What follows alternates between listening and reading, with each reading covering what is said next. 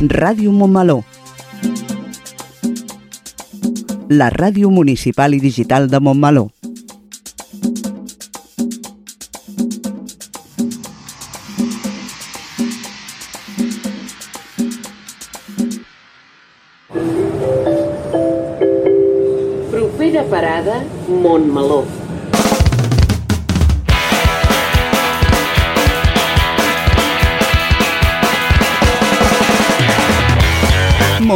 Sona.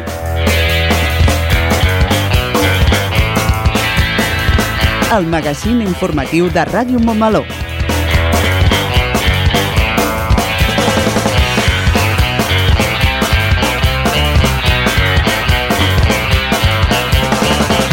Molt bon dia a tothom. Avui és divendres 5 de maig de 2023 i comencem una nova edició del Montmeló Sona. Programa número 67. Ahir, 4 de maig, va ser el dia de Star Wars. Això se celebra just aquest dia per un joc de paraules. La famosa frase que la força t'acompanyi en anglès és May the Force be with you, que sona molt similar a May the Fourth be with you, que en català seria que el 4 de maig t'acompanyi. Si ets fan de la franquícia més famosa de l'univers, esperem que hagis gaudit de la jornada amb la teva túnica Jedi i la teva espasa làser mentre feies una marató de la saga sencera. Però aquí no s'acaben les celebracions, perquè diumenge és el Dia de la Mare, així que moltes felicitats a totes les mares que ens estigueu escoltant. I a tots els fills i filles que esteu a l'altra banda de la ràdio. Esperem que ja tingueu algun regal per la vostra mare. Un detallet, ni que sigui, que si no acabarà dient alguna cosa com o em fas un regal o et faig fora de casa. Em mereixo que em felicitis almenys, perquè jo soy tu madre.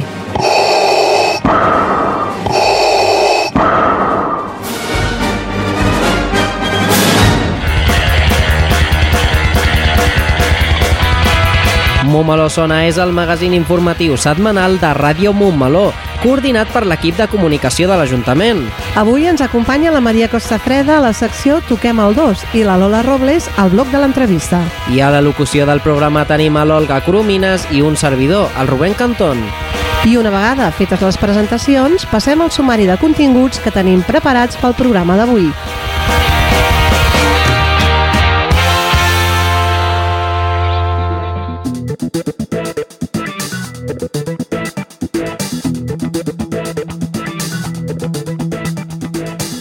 Comencem amb la Maria Costa Freda amb un nou Toquem el 2, on ens portarà a l'Alt Penedès per fer la recerca dels vitis.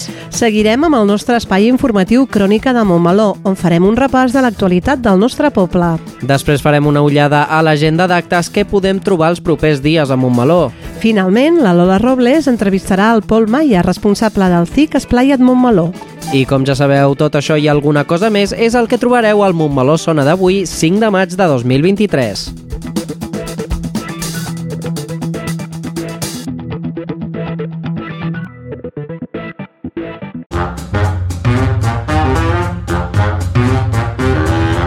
Montmeló sona, el magazín informatiu de Ràdio Montmeló. Montmeló sona i sona així de bé.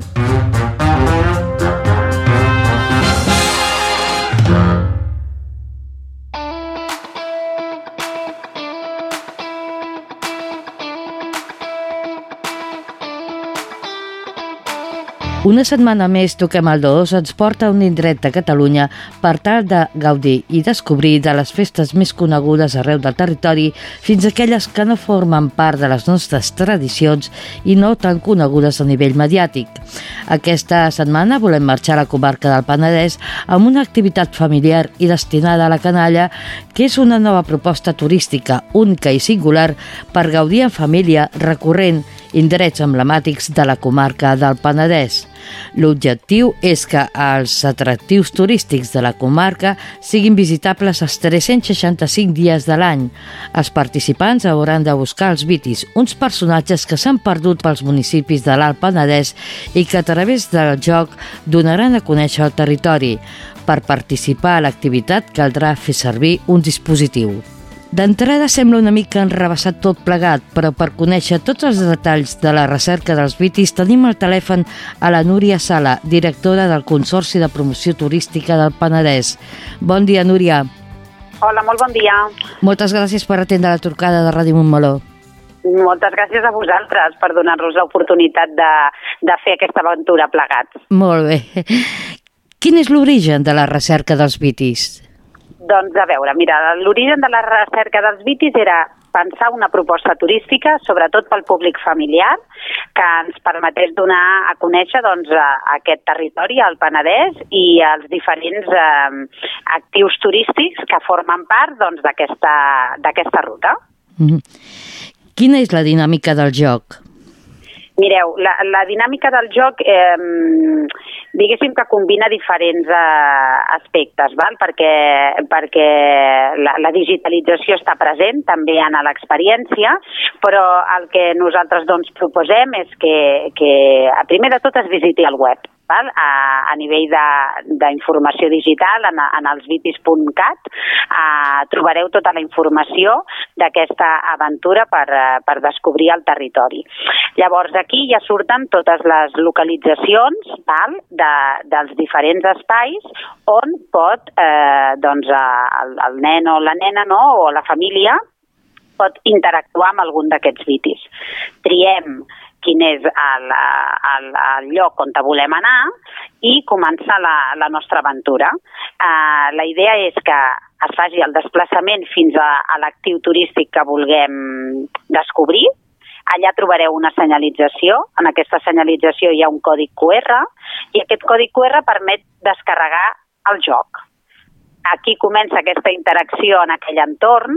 Heu de pensar que aquesta experiència es fa doncs, a les portes d'un castell, a les portes d'un mirador, és a dir, en, en diferents espais que tenen un, un valor eh, turístic important en el nostre territori, que després un cop feta l'experiència, independentment de si aquell recurs està obert o tancat al públic, perquè pot ser que un dia hi vagis a la tarda i resulta que estigui tancat o el que sigui, tu la pots gaudir igualment. Si a més a més després voleu fer la visita en aquell recurs turístic, doncs també podeu comprar l'entrada i gaudir-la. Mm -hmm. Què són els vitis? bueno, els Beatles són uns personatges molt curiosos, sí, que, que um, parteixen de la, de, de la inspiració que és, és la, la flor del, del raïm. És a dir, quan mirem un, un raïm i busquem imatges a internet, la, la flor que fa quan esclata mm -hmm. és, és el que va inspirar aquesta, aquests personatges dels Beatles. Tots ells són diferents, tenen el, aquest, aquesta mateixa imatge eh, que els identifica i els agrupa com si fossin una família, però tots tenen la seva personalitat que està molt lligada amb el recurs eh, que anirem a visitar, o amb la llegenda o amb la història d'aquell espai en concret. I tenim 12 vitis per descobrir. A part de l'enoturisme, quins altres atractius es poden trobar a la comarca del Penedès? A veure, aquí al territori, el nostre territori és, un, és cert que, que l'enoturisme ha estat sempre doncs, un gran atractiu, és un territori de vinyes, és a dir, la vinya ens acompanya arreu eh, i, i per tant l'enoturisme i tota aquesta oferta és molt i molt present. És cert que, que alhora eh, el, el nostre territori també per les seves característiques geogràfiques. És un territori molt amable per gaudir eh, fent eh, bicicleta, en bicicleta, és a dir, fent cicloturisme, tant en família com amics. Per tant, aquestes activitats de l'aire lliure, passejades en bicicleta, passejades a peu, són, són propostes molt xules per, per descobrir el nostre territori i, evidentment, doncs, tota l'oferta cultural i patrimonial també té una, una presència i una força important. Tenim centres d'interpretació de referència, Eh, tenim el, el Vinzeum, el Museu de les Cultures del Vi de Catalunya, que, que està ara en obres i, i en breu inaugurarà. Per tant, tenim actius eh, patrimonials i culturals de valor eh, que sempre poden ser una, un bon complement, complement no, en aquesta visita a fer en el territori. Què els diries als nens i nenes del Montbaló i les seves famílies perquè vagin a fer la recerca dels vitis al Penedès? Doncs jo els diria que som un territori que estem molt a prop del vostre. En, un, en, en molta poca estona podeu estar aquí a, al Penedès, hi pot arribar tant amb cotxe com amb, amb tren, d'acord? I, I que visquin aquesta aventura. Eh, té premi fer-ho, eh, per tant, tots, tots els nens que hi vulguin jugar se'ls oferirà un àlbum i podran fer un col·leccionable de cromos de cada un dels vitis i, i per tant és una experiència diferent de conèixer més el nostre territori, de conèixer les llegendes i les històries que hi han darrere de cada un d'aquests llocs. Per tant, aprendrem, però alhora jugarem i ens ho passarem molt bé amb aquests personatges que segur que us sorprendran. Núria, recordem l'adreça de la web de la recerca. I tant, mira, el web és elsvitis.cat i allà trobareu tota la informació.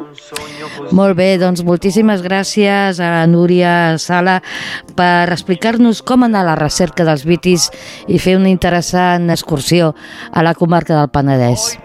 Molt bé, moltes gràcies a vosaltres. Molt bé, gràcies. Gràcies. E incominciavo a volare. I amb la Núria ja toquem el dos. La setmana vinent més i esperem que millor. Bon cap de setmana i això sí, felicitats a totes les mares. Que ho disfruteu.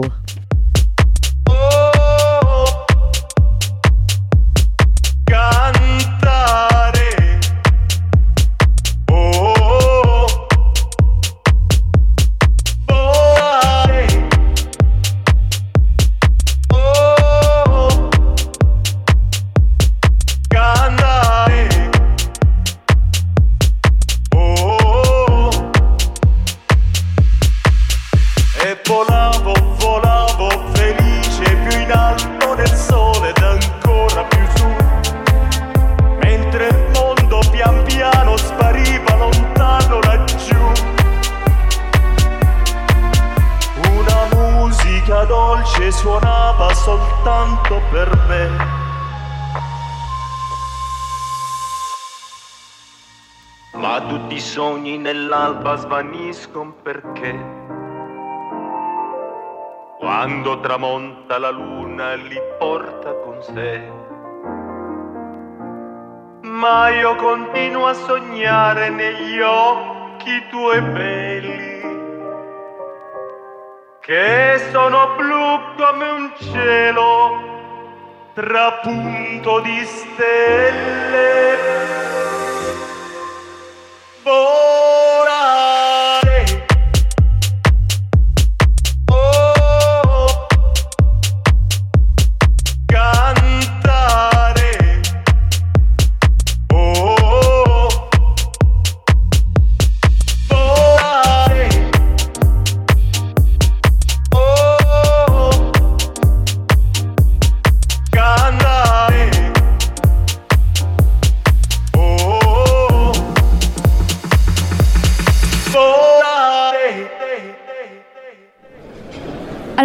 15 de cada mes, acompanya'ns a Ràdio Montmeló a prendre un vermut amb Alex Atanes, Bruno Cáceres i un convidat nou cada programa.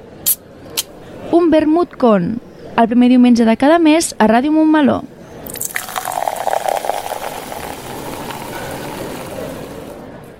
Ei, vinga, som-hi ja, és el moment de fer el pas. A casa, la feina i al carrer. Quan anem de festa o al taller. Parla'm amb el accent. Només hem de començar. Va, provem-ho en català. Tu per mi i jo per tu. I quan vulguis tots plegats. Molt per parlar, molt per Provem-ho en català. molt per parlar, molt per viure. Generalitat de Catalunya. Sempre endavant.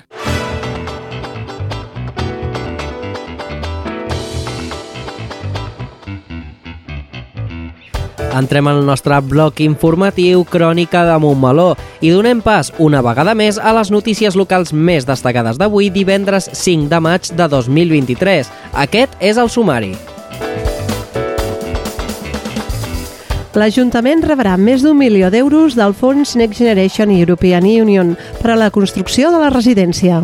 Montmeló s'ha omplert d'arts escèniques per celebrar els 10 anys del FitCamp.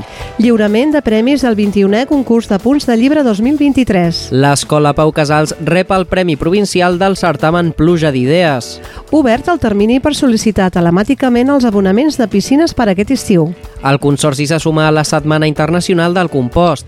Encara reps la factura de l'aigua en paper? I tancarem, com sempre, el bloc informatiu amb el repàs de les activitats culturals del municipi pels propers 7 dies.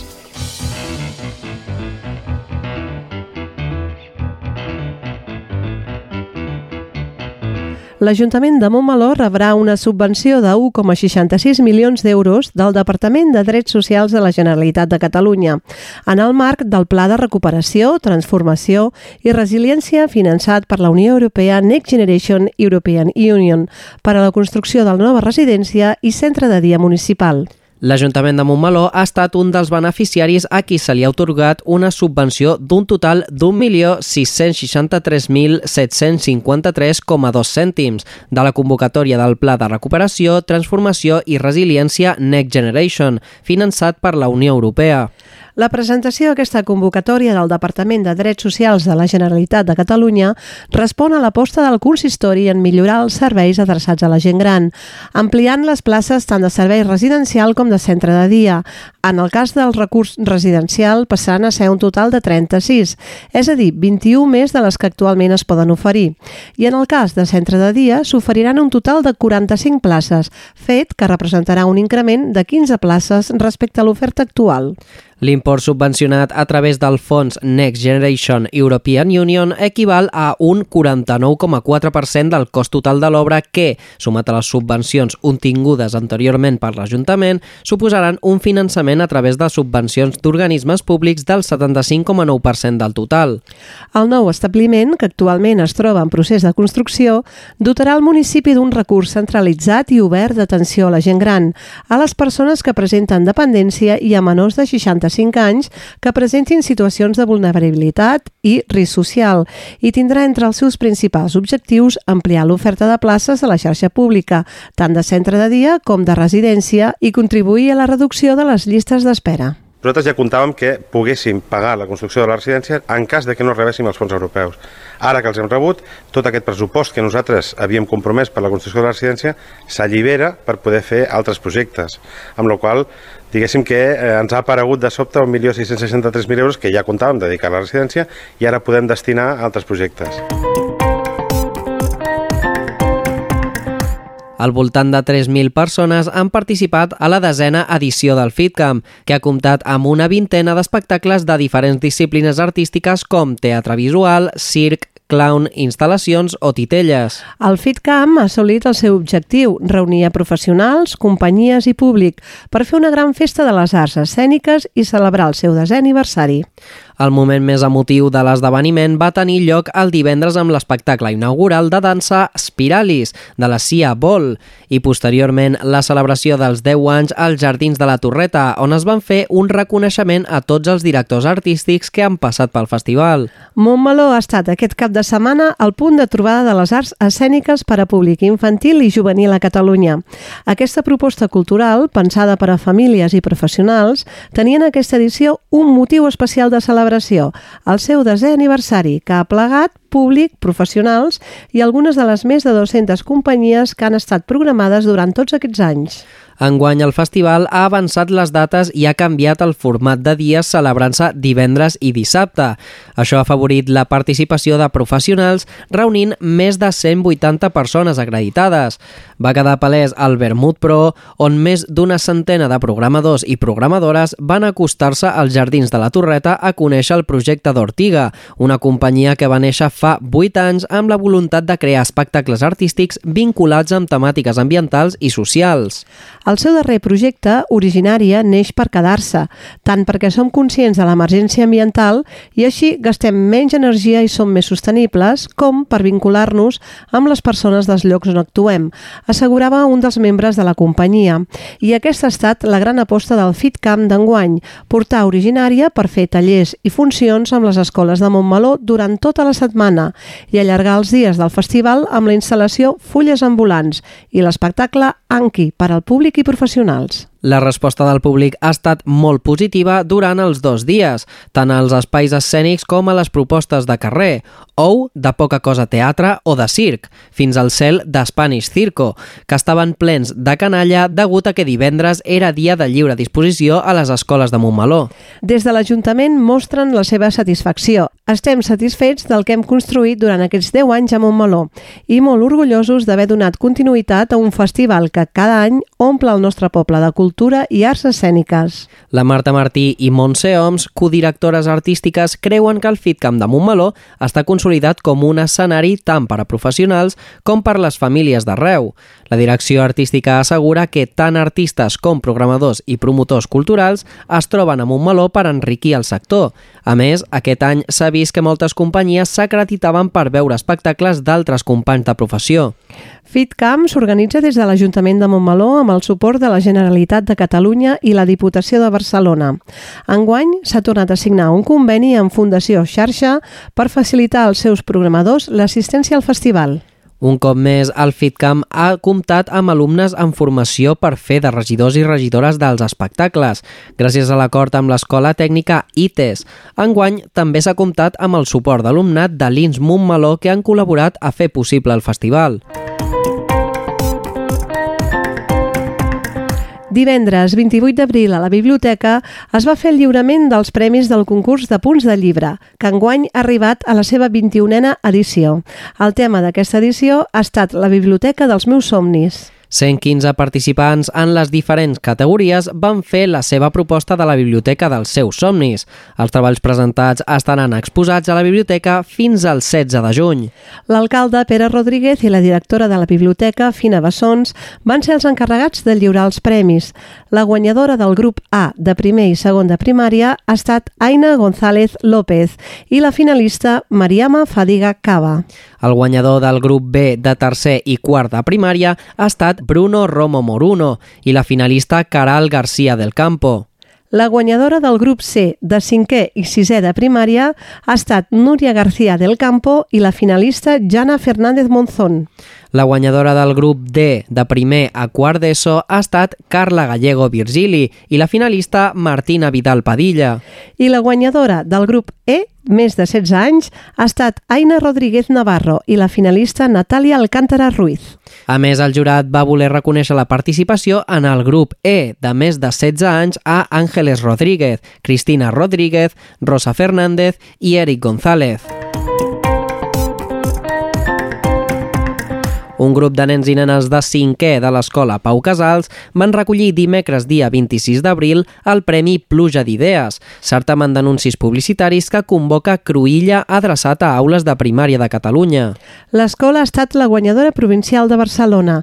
Amb aquest premi es reconeix la creativitat i la fonamentació del treball presentat, tant en el contingut com la posada en escena i el muntatge. Hem parlat amb la Mònica, mestra de l'escola Pau Casals, i amb la Laia, una de les alumnes participants. Eh, Pluja d'Idees és un certamen que, de l'editorial Cruïlla que ens va arribar per participar, és com una, un concurs, eh, era de tota Catalunya i es basava en fer un anunci publicitari publicitant el teu poble, les coses que nosaltres tenim en el poble.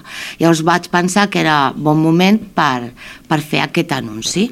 Com vau decidir presentar-vos? perquè nosaltres eh, a l'escola es treballen totes les tipologies textuals i com que l'any passat havíem fet l'anunci, doncs vam veure si havíem après, si tots els coneixements que vam adquirir el curs passat els podíem posar en pràctica. Quin és l'alumnat que ha participat? Ha participat a l'alumnat de 5è B. Aquest anunci, eh, on, on el podem veure? Pues a la pàgina de Cruïlla i també en el nostre, en el nostre blog. I el premi que heu guanyat, què és el que representa per l'escola? Doncs eh, hem, hem, hem estat els primers de Barcelona, de tota la província de Barcelona, i el premi eren 1.000 euros pel centre. Llavors representa, ens representa molt perquè, primer, nosaltres no estem tant amb el premi si muntant l'anunci, perquè tot l'anunci l'han muntat el, els diàlegs, els alumnes. Eh?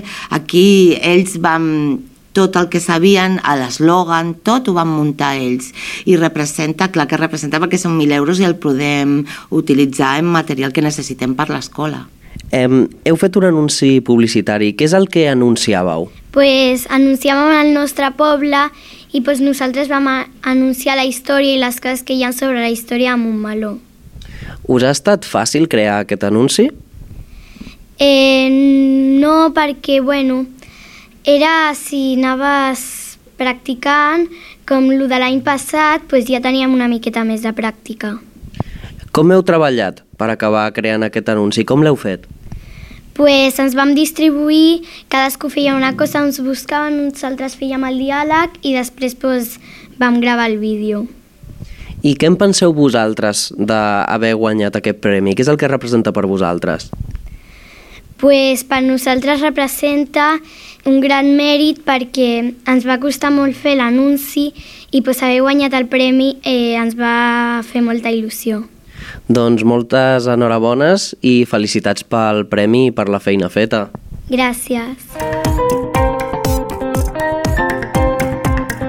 La piscina municipal de Montmeló obrirà les portes al públic el 19 de juny i tancarà la temporada el 3 de setembre. L'horari d'aquest estiu serà de dilluns a diumenge de 10 del matí a 8 de la tarda i els divendres i dissabte del 8 de juliol al 26 d'agost de 21 hores a 24 hores. Del 4 al 31 de maig ja pots sol·licitar per internet el nou carnet d'abonament de la temporada 2023 de la piscina municipal de Montmeló, amb un 5% de descompte. Per poder fer-te el carnet de la piscina i gaudir d'aquest descompte, cal que omplis el formulari web d'Alta Carnet Piscines 2023, que trobaràs a la web. També pots sol·licitar per internet la renovació del carnet de la temporada anterior emplenant el formulari web Renovació Carnet Piscines 2023. Els abonaments s'expediran exclusivament a persones empadronades a Montmeló i són gratuïts per a infants nascuts del 2017 al 2023 i per a les persones nascudes l'any 1958 i anteriors. L'Ajuntament ha fet un carnet de descompte del 50% per a les entrades puntuals, per totes aquelles persones que es trobin en situació d'atur. Les persones que gaudeixin d'aquest descompte hauran de presentar el DNI a les piscines juntament amb el carnet del 50%. Trobareu més informació sobre preus, descomptes, horaris i com fer els diferents abonaments a la web de l'Ajuntament o bé al pavelló d'esports. Del 9 al 13 de maig, la ciutadania que faci ús de les deixalleries podrà recollir compost gratuït. Del 7 al 13 de maig se celebra la Setmana Internacional del Compost, International Compost Awareness Week, amb el lema Sol, Sants i Aliments Saludables, Compost, una cita anual que se celebra en diferents països per informar i promoure l'ús del compost, explicar d'on prové, com s'ha d'utilitzar i quins són els seus beneficis. En el marc d'aquesta setmana, del 9 al 13 de maig, els usuaris i les usuàries de les deixalleries podran disposar de compost gratuït per als seus horts i jardins particulars. Cada persona podrà accedir a 50 litres de compost, el que equival a dues galledes, cada vegada que utilitzi la deixalleria i fins que s'exauregin les existències. Amb aquesta campanya, i sota la marca Compost Bo, es vol fomentar l'ús del compost, provinent de la recollida selectiva de la fracció orgànica, i recompensar la ciutadania el seu esforç per separar-la a casa de forma correcta, facilitant així que se'n pugui obtenir compost i biogàs. A la planta de digestió anaeròbica i de compostatge de Granollers hi arriba el residu orgànic dels municipis del Vallès Oriental, del Maresme i d'alguns del Moianès, més de 55.000 tones, que rep un tractament que produeix biogàs per generar energia elèctrica i aproximadament 5.000 tones de compost anuals. Si transformem els residus orgànics en adob, contribuïm a la lluita contra el canvi climàtic. El cicle de la matèria orgànica és un exemple evident de bioeconomia circular. Un cop tractats, els residus orgànics esdevenen un recurs, compost, que aporta matèria orgànica, nutrients i microorganismes als sols i millora la fertilitat i la producció dels conreus. Les característiques físiques, químiques i biològiques del compost permeten que aquest producte pugui ser utilitzat en diversos àmbits i activitats obtenint resultats molt positius, com adob natural en agricultura, cereals, horta, fructicultura, vinya... Com a fertilitzant en tasques de jardineria i en la formulació de substrats i com a restauració de sols degradats en projectes d'obra pública, clausura d'abocadors, regeneració de talussos o en restauració d'activitats extractives.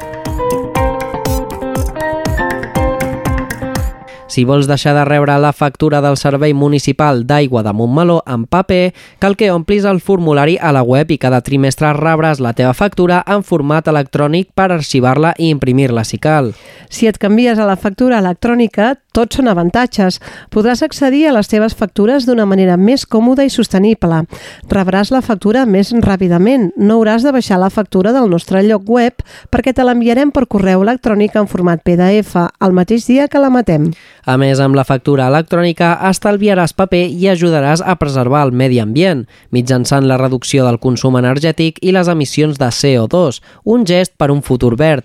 Per fer-ho, cal que enviïs un correu electrònic a sma.momolo.cat, enviant les teves dades o bé a través del formulari que trobaràs a la web. Des del portal del Servei Municipal d'Aigua pots consultar fàcilment l'històric de factures emeses, així com sol·licitar la tramitació digital de la factura de l'aigua.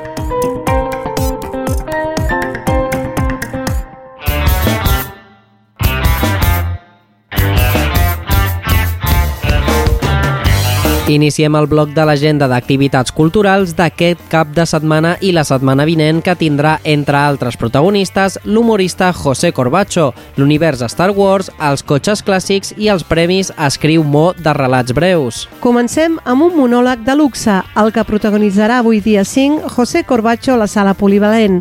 Ante todo, mucha calma.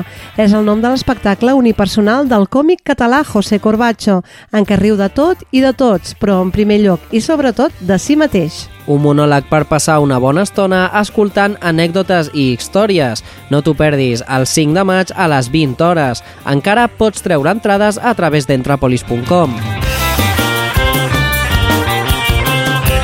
Dissabte, dia 6 de maig, a Montmeló serà un dia marcat per l'univers de Star Wars, al llarg de tota la jornada. Per començar, la gent de Ludus Historiae organitza de 10 del matí a 6 de la tarda a la sala polivalent la cinquena edició del Ludus Wars, una jornada de jocs de taula a una galàxia molt llunyana. T'ensenyaran a jugar a jocs temàtics ambientats a l'univers Star Wars, amb miniatures de naus i personatges de les pel·lis, i també et podràs fer una foto amb Chewbacca o Darth Vader. I una vegada finalitzi Ludus Wars, concretament a les 7 de la tarda, a la mateixa sala polivalent tindrà el concert de final de curs de l'alumnat de les agrupacions instrumentals a l'Escola de Música, que porta el nom de Star Wars in Concert, un recorregut per l'univers. I com és d'imaginar, interpretaran temes de les diferents pel·lícules de la saga de Star Wars. Aquest concert ha estat ideat pel Jan Ordeig, amb l'ajut del professorat de l'Escola de Música. Per això tenim amb nosaltres el Jan i el director del projecte, el Jordi Montoliu. Bon dia. Hola. Hola, bon dia. Primer de tot, Jan, com et va sorgir la idea que el concert del final de curs de l'Escola de Música girés entorn a la banda sonora de la saga de Star Wars? Bueno, pues això va passar perquè eh, fa no molt, un any pràcticament, vaig fer una audició a l'escola que, que tractava sobre diferents pel·lícules eh, que les vaig editar i vaig posar pel·lícules que a mi m'agraden bastant o la seva música m'agrada molt com per exemple Els seus anells, Jurassic Park, L'últim Moicà, mm. entre altres i crec que la idea l'audició va estar bastant bé i crec que la idea també va funcionar. Sí, i és com que s'ha traslladat, no? A, Potser, sí, sí. Ah. I segons la teva opinió, què és el que té d'especial aquesta música? Què és el que més t'agrada? Pues, el que més m'agrada és, és, és tot, és una música molt complexa, eh, eh, que hi ha molts, moltes, bueno, molts temes d'aquests que són només per, per uns personatges específics, que són mm. els leitmotivs. Eh, per exemple, tenim la marxa imperial, que és eh, icònic, eh, és de Darth Vader, el tema de la força, que està pel Jedi, eh, el, el de Leia, també. Sí, també, el de Leia, eh, el també... Uf, ara en les noves pel·lícules el tema de Rey o Kylo Ren, o, o el tema d'amor entre Padme i Anakin, a la Cross de Stars, i estan tots molt, molt currats, crec. Vamos. Hi ha algun moment que sigui el teu preferit de la música de Star Wars? Un moment preferit? Uf, hi ha molts. O algun tema en concret? Bueno, eh, sobretot m'agra- m'agrada molt els que són de, de combat, aquests com Duel of Fates o Battle of the Heroes, tenen una èpica bastant... Bueno, que eh, posa la, pes- la, els pèls de punta, la veritat. Uh -huh.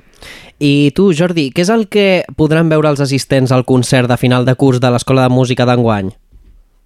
Doncs el que podem veure són les actu- actuacions de, de totes les agrupacions que tenim a l'escola, des de les grupets petits de, de pianos o eh, les orquestres de guitarres, la banda que tenim, l'orquestra de corda i també el conjunt, aquest jo crec que és el que té més, el que farà més, més gràcia, que és veure el, el conjunt de, del primer contacte, que són els nens que acaben de començar a tocar un instrument. Vull dir, serà segurament el seu primer concert així en grup i, i clar, poder veure tot, aquesta, tot aquest alumnat tocant músiques d'aquest tipus, que a més a més aniran acompanyades, com, com ja ha dit el Jan, de, de material audiovisual per poder seguir una mica la història de, de tot l'univers aquest de Star Wars, eh, jo crec que pot quedar un concert molt, molt entretingut, sobretot molt, molt, molt se- serà molt bonic de veure pe- pels que m'in- m'incloc jo també, pels que som una mica friquis de, de, tot aquest, eh, de tota aquesta saga i, i crec que pot estar bé. També voldria afegir que, a més a més, a, a, a coincidint amb, a- amb, a- amb aquest concert, els amics de Ludo Sports també faran una exposició de, de, de, bueno, de, de jocs Mm. de, de rol i jocs de taula de, de Star Wars allà mateix a la, a la torreta i al sala polivalent on hi també hi haurà alguna exposició de, de material i coses així que, que vull dir, es farà tot un dia tot un dia dedicat a Star Wars, que de fet ara, bueno, que serà el 6 de maig, el 4 de maig és el dia, no? De... Sí, el, el 4 de maig, el May the 4th, no? Exacte, exacte, exacte. Sí, sí. Eh, Jordi, com ha estat el procés creatiu a l'hora de dirigir la música d'aquest projecte? Bueno, el, el, el principal problema ha estat repartir qui fa què i quan. No? Una mica primer, bàsicament, a partir de... El Jan va... Entre el Jan i jo mateix que vam trobar tots uns documents per internet, uns PDFs amb tots els leitmotivs, tots els temes de les diverses pel·lícules, vam acabar fent una selecció, o ell la va acabar fent, va afegint selecció de, de temes de les pel·lícules, però també de les, de les sèries com el Mandalorian o les pel·lícules aquestes que estan, no, no sé ara com tenen un nom, no? Els spin-offs i coses d'aquestes. Sí. I, I aleshores va ser fer la tria aquesta, a partir d'aquí va ser parlar amb els professorat i veure quines agrupacions podien fer cada un d'aquests temes i repartir-los. I, eh, I això va ser la, la primera part, que això ja va costar lo seu. Després va venir pues, tot el tema d'encaixar què pot fer el Jan amb cada una d'aquestes agrupacions, si toca amb ells o no toca, si les agrupacions ho fan soles o no, si el Jan adopta un rol de solista i les agrupacions acompanyen, o he decidit tot una mica les fórmules per fer-ho. Vull dir que al final ha estat un, un treball més de, sobretot organitzatiu, ha estat una mica, una mica feixuc de- de- d'anar solucionant coses. I ara encara ens queda el treball de veure com, com ens posarem tots a l'escenari, a veure com, com cabrem tots i, i perquè quedi tot una cosa seguida i, i, i que, es, bueno, que, que pugui quedar bonic de veure. I vosaltres dos, què els hi diríeu a la gent de Montmeló, a la gent que ens estigui escoltant ara per animar-los a que vinguin a veure el concert de, de Star Wars? Home, jo els diria que si no han fet ja, que entrin a Entràpolis i que agafin una entrada ja, perquè jo crec que serà... És possible que el mateix dia del concert ja no en quedin, crec, mm. perquè serà... Jo crec que pot ser un, un dels grans dels grans moments, de, de, un dels grans concerts que haurem fet aquí a l'escola, per l'espectacularitat que, que, que podrà ser. No sé si el Jan vol afegir. Sí, bueno, perquè bueno, eh, serà un concert bastant, bastant ampli en categories, ja que hi haurà el, el suport audiovisual aquest que serà bastant bo, o, o crec així, i a més d'això eh, tocarem tots eh, els, els temes més famosos de, d'aquesta saga i hi haurà dos combats d'espades láser. O sigui, serà un, un concert bastant carregat. Doncs ja ho hem sentit, animem a tothom que, que vagin a veure el concert de final de curs de Star Wars i moltes gràcies a tots dos per passar per la ràdio. De res, un plaer. Un plaer. Recordem que totes dues activitats són gratuïtes, però per presenciar el concert cal fer reserva prèvia a entrapolis.com, ja que la sala té un aforament reduït de 312 butaques. Abans de passar el diumenge dia 7, ens fem ressò de l'avís de l'Ajuntament que ha publicat en web i xarxes sobre el tancament de la pista esportiva de l'Escola Sant Jordi per aquest cap de setmana.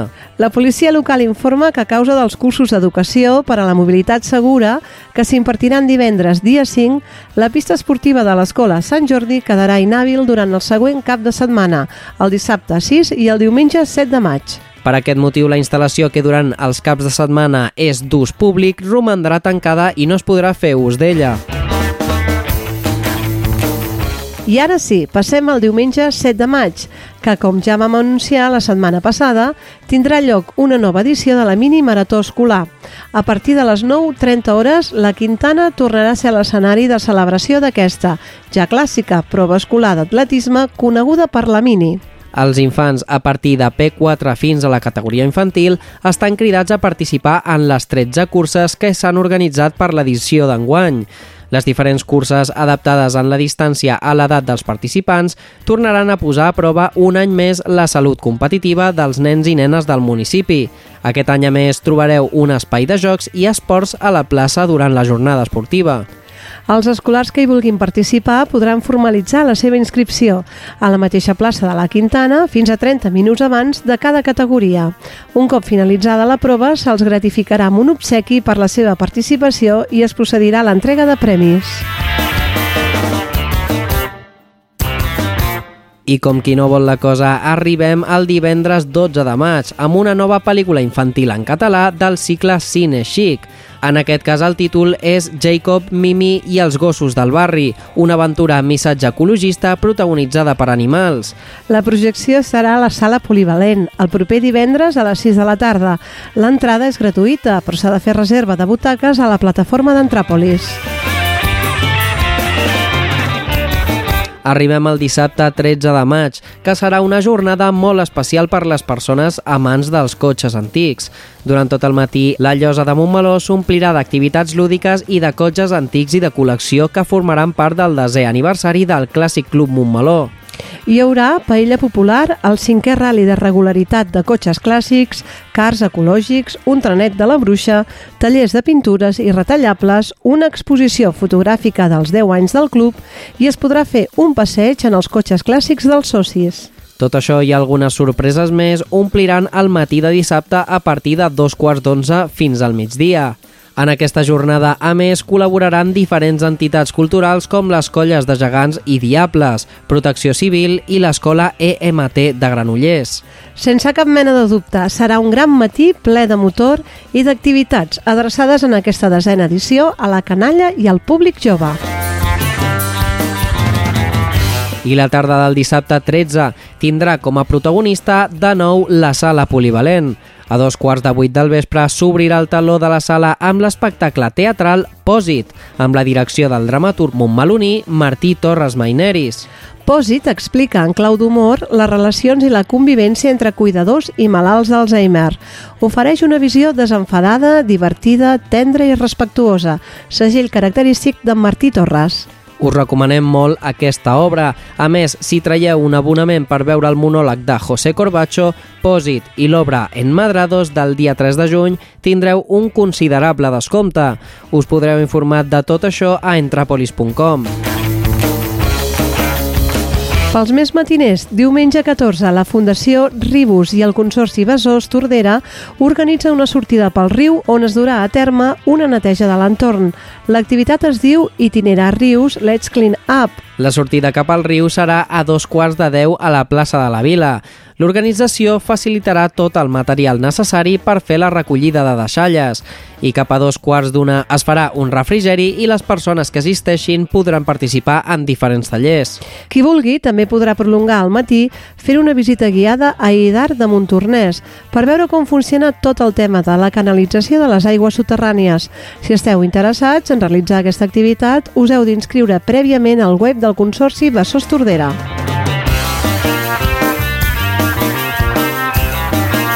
I finalitzem l'apartat de l'agenda d'activitats amb el lliurament dels Premis Escriu Mo de relats curts. A partir del migdia a la Biblioteca La Grua, el jurat del concurs literari desvetllarà el nom de les persones finalistes i guanyadores de cada categoria i es procedirà a la lectura dels relats guanyadors. I ara sí, ha arribat el moment de dir allò de tot això i algunes coses més les podreu trobar al web momolo.cat i a les xarxes socials de l'Ajuntament. Una setmana més, que la força us acompanyi.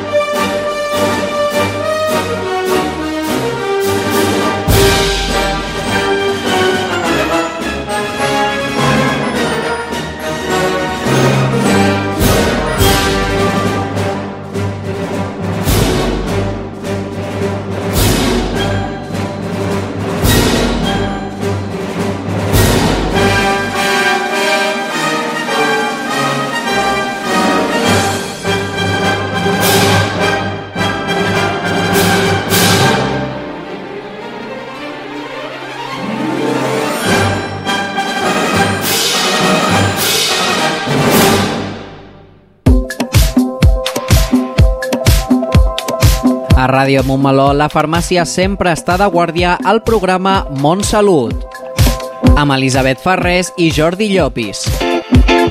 El segon dimarts de cada mes a les 12 del migdia.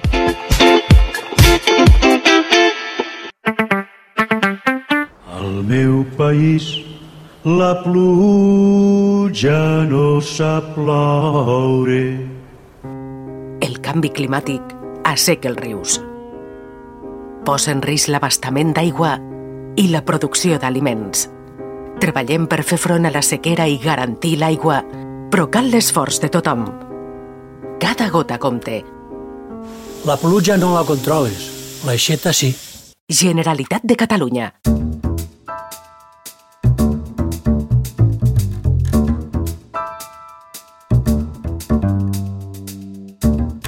L'educació en el lleure està present a Montmeló des de fa 60 anys, quan el mossèn de la parròquia, en mossèn Mateu, va començar a organitzar casals i colònies d'estiu.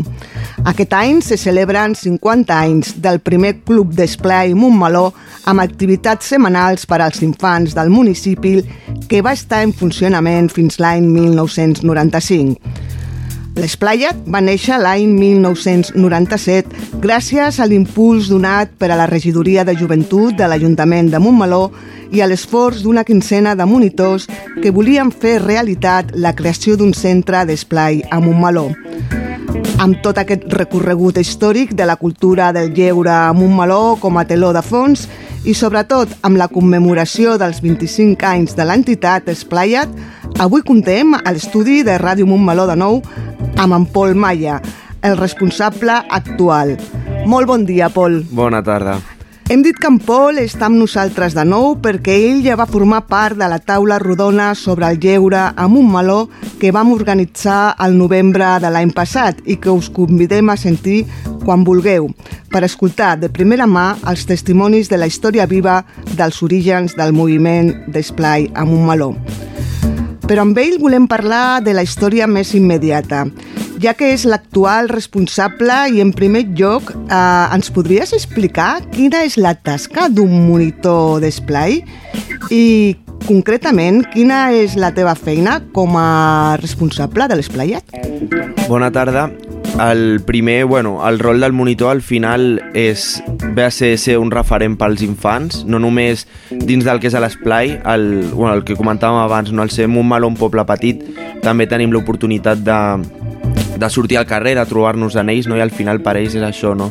tenir aquest model de referent que ja no són ni els pares eh, tant a casa, ni els mestres o, o d'altres que són a l'escola. Llavors és això. La nostra tasca doncs, es basa principalment en elaborar eh, programacions de joc durant les tardes de dissabte, però bueno, personalment penso que va molt més en enllà, no? perquè al final estem educant en valors, estem fomentant eh, la cooperació, el treball en equip, no? el, les relacions amb altres infants del municipi o inclús de fora, perquè tenim infants de fora, i, un, i una mica això, no? l'activitat principal del monitor sí que potser és el disseny aquest de, de les activitats, no de planificar, però també va més enllà en, eh, pel que fa a ser líder d'un grup, a ser el responsable d'un grup, etc. Uh, per a les persones que encara no coneguin què vol dir esplai amb un meló, ens pots explicar una miqueta quina és la feina que feu amb la canalla els dissabtes? Doncs això, com, com parlàvem abans també, no, la principal tasca que tenim nosaltres durant el mes així a, a vista són els dissabtes d'esplai el que fem de 4 a 7 són preparem activitats no, que van relacionades amb un centre d'interès que escollim el grup de monitors eh, prèviament a l'inici de curs. I llavors és això, dissabtes són són les activitats que van enfocades en aquest centre d'interès i llavors sí que és veritat que un cop cada trimestre, excepte el, el segon trimestre, que potser és el més curt en quant a dies de, de dissabtes, el que fem és marxem de cap de setmana amb els infants a una casa de colònies i doncs passem el cap de setmana.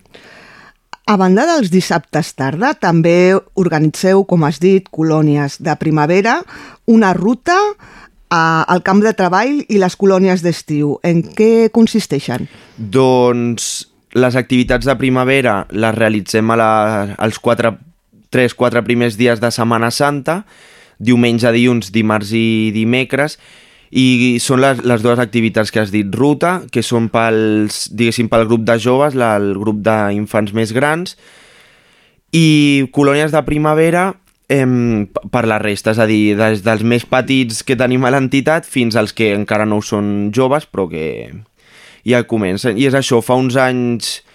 Bueno, havíem, jo quan era petit havia anat de colònies de primavera, també de campaments, i va arribar un punt no, que es van deixar de fer doncs, per la falta d'infants al final doncs al fi, és que és una setmana molt curta no? i molt, moltes famílies decideixen marxar de vacances totalment lícit, no? al final és una setmana que té tothom a meitat de curs per agafar forces, descansar una mica i és això i fa uns anys, bueno, quan entre el Covid i que s'havia deixat fer, doncs ho vam deixar com passar. I fa l'any passat, amb el grup de monitors actual, vam tenir, bueno, estàvem engrescats i teníem la suficient motivació com per tornar-les a dur a terme. I l'any passat la vam, vam fer les colònies de 3 dies i se'ns van fer curtes. I llavors aquest any vam dir augmentem un dia perquè al final, entre que arribem i marxàvem, se'ns passaven el, els dies molt ràpid. I pel que fa a les activitats d'estiu, és el, diguéssim, el mateix, ampliem els dies, és una activitat que dura una setmana, i els que marxem de colònies, doncs l'estada es fa una casa de colònies, on hi ha piscina, eh, bueno, envoltats de natura, són uns jocs preciosos, la veritat, i és això, tot el dia fent activitats, activitats conjuntes, activitats a la piscina, jocs de nit, etc. I els que marxen de camp de treball, la idea potser és el que més canvia, no? Al final el grup, és el grup de joves dos el que marxa i estan sols en una zona d'acampada on al matí, en comptes de fer l'activitat de matí que farien els infants que marxen de colònia, doncs fan treball tècnic, no? potser tasques que requereix la casa o la zona d'acampada en aquell moment, no? doncs hem fet des de aplanar camins fins construir cases d'ocells o netejar la zona, etc. I això, i a la tarda també fan activitats, eh, depèn d'on vagin, doncs tenen piscina, tenen el pantà, etc. A més, també formeu part i col·laboreu en activitats tradicionals com ara la castanyada, Sant Jordi, Festa Major. Per què és important per a vosaltres formar part del dia a dia de Montmeló? Bueno, eh, principalment per, per donar-nos a conèixer el, el poble, no? perquè al final som, som una entitat eh, formada per monitors molt joves i bueno, sempre s'havia fet. No? Al final és també una participació que ens dona l'Ajuntament, que ve de caràcter voluntari per part de l'Esplai, i que al final també ens ajuda a, a guanyar alguna de diner, no? que, ens pot que sempre va bé per, per dur les activitats a terme o perquè els infants els surti les, les colònies més, més, algú Econòmiques. més econòmiques, etc. I sempre va bé pues, per cobrir tots els gastos que portem al llarg de l'any. Educant el lleure també eh, ha evolucionat amb el temps. Com dissenyeu i planifiqueu les activitats que organitzeu per als diferents grups d'edat i preferències i també pensant que a l'Esplayat està integrat eh, per voluntariat, com ho compagineu amb les vostres tasques d'institut o universitat? Sigui, al final és el que dèiem, no? És, som un grup de, si no m'equivoco, 20-21 monitors. Eh, comparat amb altres anys és poc, la veritat, però és això. Som un grup molt jove, la mitjana d'edat són 19-20 anys, el, el més gran té 21, 22, com a molt. I això, intentem, la gran majoria, per no dir quasi tots, estudiem, i així institut, eh, cicles, cicles o graus d'universitat, i al final el, el que intentem és compaginar-lo de la millor manera. Sí que a vegades és molt difícil per tema d'horaris, no? perquè hi ha qui estudia de matins, hi ha qui estudia de tardes, hi ha qui, hi ha qui treballa, hi ha qui eh, fa altres extraescolars, etc. I a vegades sí que és, sí que és algo difícil compaginar-nos. Però, bueno, intentem fer-ho de la millor manera que podem. Al final som un grup que hem de tirar cap endavant sí o sí, perquè el nostre objectiu no és que els de darrere, que els que venen darrere nostre també es reenganxin en aquesta tasca de monitors i, i poc més. I llavors el que dèiem de, de, bueno, de conèixer el grup, no? del disseny de les activitats, al final som... Bueno, és que portem molts anys a l'entitat, no? I, I coneixem també els infants, sabem com són, sabem què els agrada, què no tant, i sí que el, el que intentem sempre és adaptar-nos a les seves necessitats, als seus gustos, sempre i quan eh, respectant tot el que, tot el que es regeix, no? per dir-ho d'alguna manera. Ah, L'arribada d'internet també ha suposat un canvi no? en el camp de l'oci i del lleure i cada cop més eh, els nens i joves passen molt del seu temps connectats a les, bueno, als dispositius. Com us adapteu a aquestes tendències canviants? Molt, és, jo crec que és algo molt difícil, no? perquè ja no ve de l'esplai, sinó que ve de casa, de les escoles, etc. Al final és algo que, bueno, que ha entrat a les nostres vides i per quedar-se, no és algo que sortirà demà ni demà passat. Llavors el que nosaltres fem és, bueno, tenim una norma que és a l'esplai prohibit el mòbil. Nosaltres el monitor sí que el portem al final més que res per si, si passa alguna cosa, si hem d'avisar algun pare, etc. però intentem no fer-ne ús i com a molt eh, fer fotografies que al final ja no anem amb càmeres i, i això, nosaltres l'utilitzem, però sí que és veritat que te n'adones no, dels infants que tenen la necessitat constant d'estar en contacte o amb el mòbil o amb la Play o amb els ordinadors, etc. I bueno, el nostre missatge sempre és el mateix, no? Aprofiteu aquestes hores d'esplai, que al final són 3 horetes a la setmana, i sempre van bé per desconnectar tant per ells com al final per nosaltres, eh, de, de la nostra vida. I, I és això, nosaltres intentem que l'esplai tot sigui, no? al final jugar amb els altres, compartir, eh, gaudir també del, dels espais que, bueno, en aquest cas que ens dona el poble, però quan marxem de colònies per aprofitar la natura i tot això, i, i és això. Com a moltes entitats que es nodreixen del voluntariat, la, la majoria de monitors abans heu estat participants de l'entitat com a receptors d'activitats. Quines diferències hi ha entre participar a l'esplayat com a nen i jove, que gaudeix d'un espai de lleure, i com a monitor, com a organitzador d'activitats lúdiques i culturals? Jo recordo, bueno, la meva etapa com a nen, que va ser des dels 5 anys fins al, als 17, és a dir, des del grup més petit fins al més gran, jo la recordo excel·lent. O sigui, recordava com l'esplai sempre com un espai on jo volia estar, que això jo crec que és important. Al final no va ni obligat, sinó jo anava sempre perquè volia. També partia de l'avantatge que coneixia a molta gent, molts amics. Ma germana també va començar a anar quan jo, jo hi era a l'esplai i al final és això, jo crec que els monitors, com dèiem abans, la tasca que tenen també és engrescar el, a que les generacions d'enrere vulguin seguir com a monitors i jo crec que ho van aconseguir. Al final, a través de les activitats, de les colònies, bueno, de tots els moments no, que comparteixes, doncs es crea aquest vincle que també t'anima a seguir endavant i en el futur eh, ser monitor de l'entitat. I jo crec que quan era petit eh, tenia clar que no volia ser monitor, no sé si ho deia per tonteria o, o alguna però al, al final és que és una tasca que, bueno, a mi em... Et motiva, sí, t'il·lusiona... M'enriqueix molt, sobretot, sí. Fa unes setmanes va tenir lloc la festa central del 25è aniversari de l'entitat.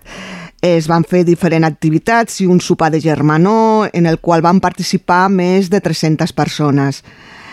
Explica'ns en què va consistir aquesta festa d'aniversari, com va anar tot i què significa per una entitat de gent tan jove convocar tanta gent al vostre entorn.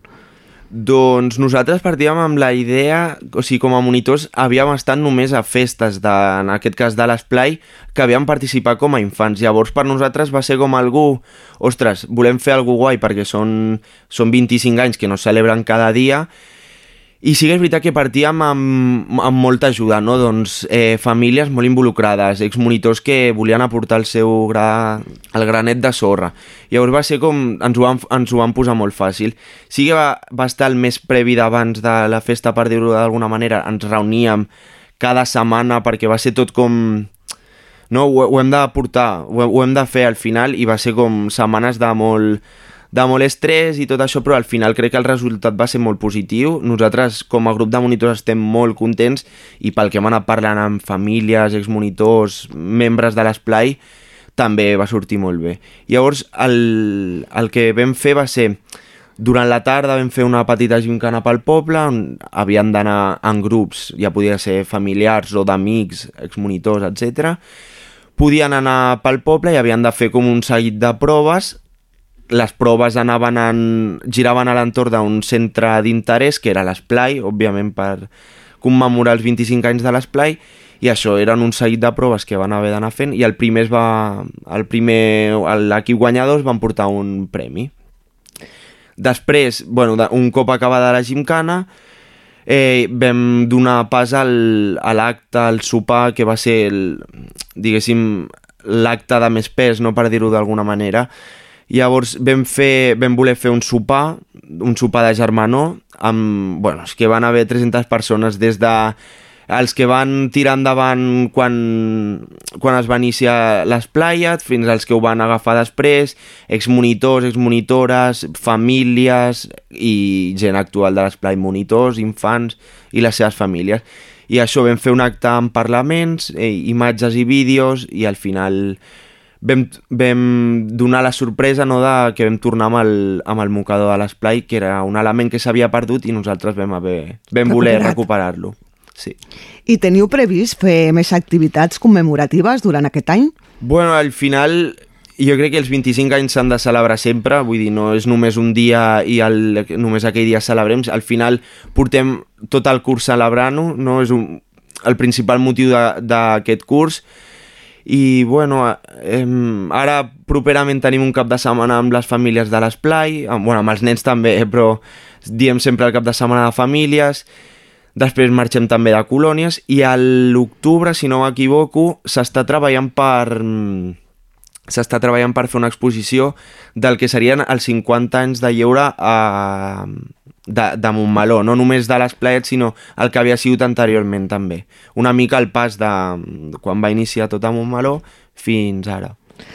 Per anar acabant i sortint una mica de l'àmbit del 25è aniversari, el moviment d'Esplai sempre ha estat format per joves, eh, l'equip de monitors i monitores i els infants, la canalla que va a gaudir de les activitats. Penseu que l'Esplayat representa la realitat social de la joventut i els infants del poble? Eh, sí, jo, o sigui, al final, com, com bé dit abans, els infants van perquè els agrada. Al final és un lloc segur on ells s'ho passen bé, on ells estan amb els seus amics, coneixen també gent nova, i al final és això, el, el vincle que es crea entre infant i infant, ja sigui amics o coneguts, etc. I a l'infant monitor jo crec que és un vincle molt especial. I jo ara parlo com a monitor, si des de la vessant de monitor, jo crec que tota la tasca que portem que portem, bueno, la, tota la tasca que fem, no, o sigui, és molt gratificant la manera en què els infants et donen la recompensa, no? És a dir, eh, nosaltres preparem totes les activitats d'això i el, el nostre premi gran, per dir-ho, el gran premi que tenim nosaltres, no cobrem, òbviament, però és la satisfacció de veure els nens contents, de veure'ls feliços, o perquè ells t'ho diuen al final, vull dir, si no els ha agradat alguna t'ho diuen, però sobretot ens reforcen amb els comentaris positius, ja no només de les activitats, sinó del que nosaltres com a monitors som o, o influïm a la, a la vida dels infants, perquè com dèiem abans, no, compartim molt més que, que el cercle de l'esplai, per dir-ho d'alguna manera, no? I és això, la nostra il·lusió, per dir-ho d'alguna manera, no? és veure aquests infants créixer en l'àmbit de l'esplai i que en el dia de demà ens agafin el relleu i puguin ser monitors com nosaltres. Doncs esperem que així sigui. I després d'aquesta interessantíssima xerrada amb en Pol Maya, responsable de l'Esplayat, per acomiadar l'entrevista, explica molt breument per a tota la gent jove que tingui la inquietud d'apropar-se a l'Esplayat o que vulgui formar part de l'equip de monitoratge, què ha de fer? Al final ficar-se en contacte amb nosaltres som un grup de joves d'aquí de Montmeló molt obert, vull dir, no, no ens tanquem a res i és això, sempre estarem agraïts i oberts a noves propostes o gent inclús que vulgui entrar a col·laborar com a monitora de l'entitat. Doncs ara sí, toca acomiadar-nos. No sé si sou conscients de l'excel·lent tasca que esteu duent a terme.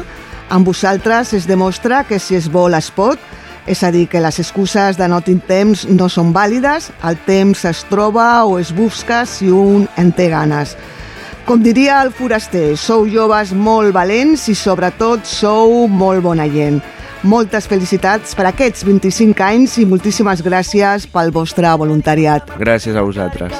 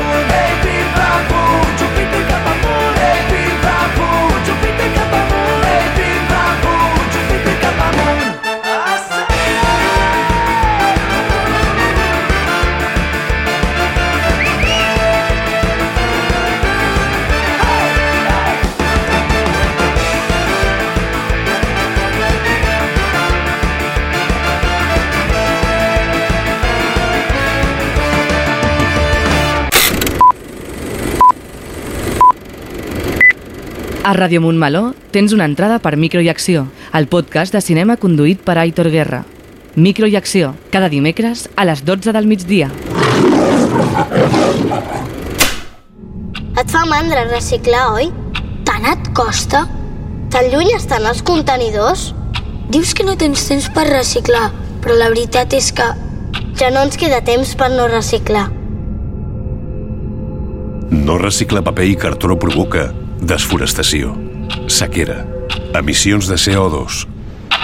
Reacciona. Recicla el paper i el cartró al blau. Amb la col·laboració de Coembes, Generalitat de Catalunya.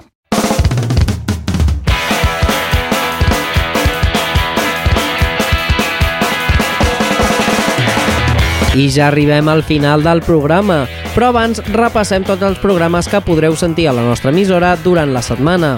El primer diumenge de mes, dia 7, a les 12 hores, serà el moment de fer un vermut. En aquesta ocasió, el programa Un Vermut Con serà més vermut que mai perquè l'Àlex Atanes i el Bruno Cáceres han convidat a l'Arnau i l'Àmbar, els seus companys de la uni, per parlar de la vida universitària. Dia 9 a les 12 del migdia, la farmàcia torna a la ràdio. L'Elisabet Ferrés i el Jordi Llopis presenten un nou programa de Mont Salut. I si ets fumador però vols deixar el tabac, no et pots perdre el programa perquè ens explicaran precisament com podem deixar de fumar. Dimecres 10, a les 12 hores, parlarem de cinema amb l'Aiton Guerra. El micro i acció d'aquesta setmana serà un especial del Dia de la Mare. I per últim, dijous 11 a les 9 del vespre, com cada setmana, els esports arriben a Ràdio Montmeló amb Fora de Joc. El Marçal Pont i el Pablo Sánchez repassen l'actualitat esportiva tant del municipi com internacional.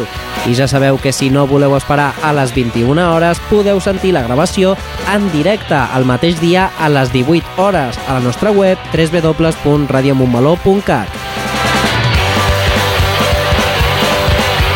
I amb tot això marxem, però com ja és costum, us volem recordar que podeu contactar directament amb l'emissora si teniu qualsevol idea, suggeriment o opinió, mitjançant el nostre correu radiomó.momaló.cat o a través del telèfon i WhatsApp 637 150 702. Molt bon cap de setmana a tothom i felicitats a totes les mares que celebren el seu dia el diumenge. Nosaltres seguirem aquí la setmana que ve. Montmeló tornarà a sonar divendres 12 de maig de 2023 a les 12 del migdia.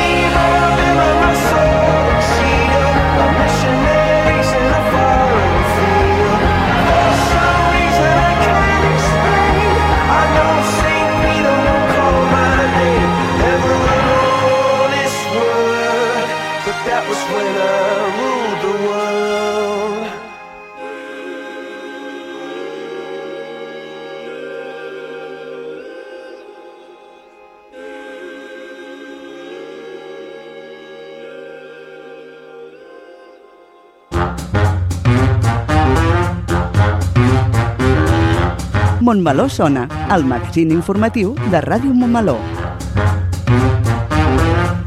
Montmeló sona i sona així de bé.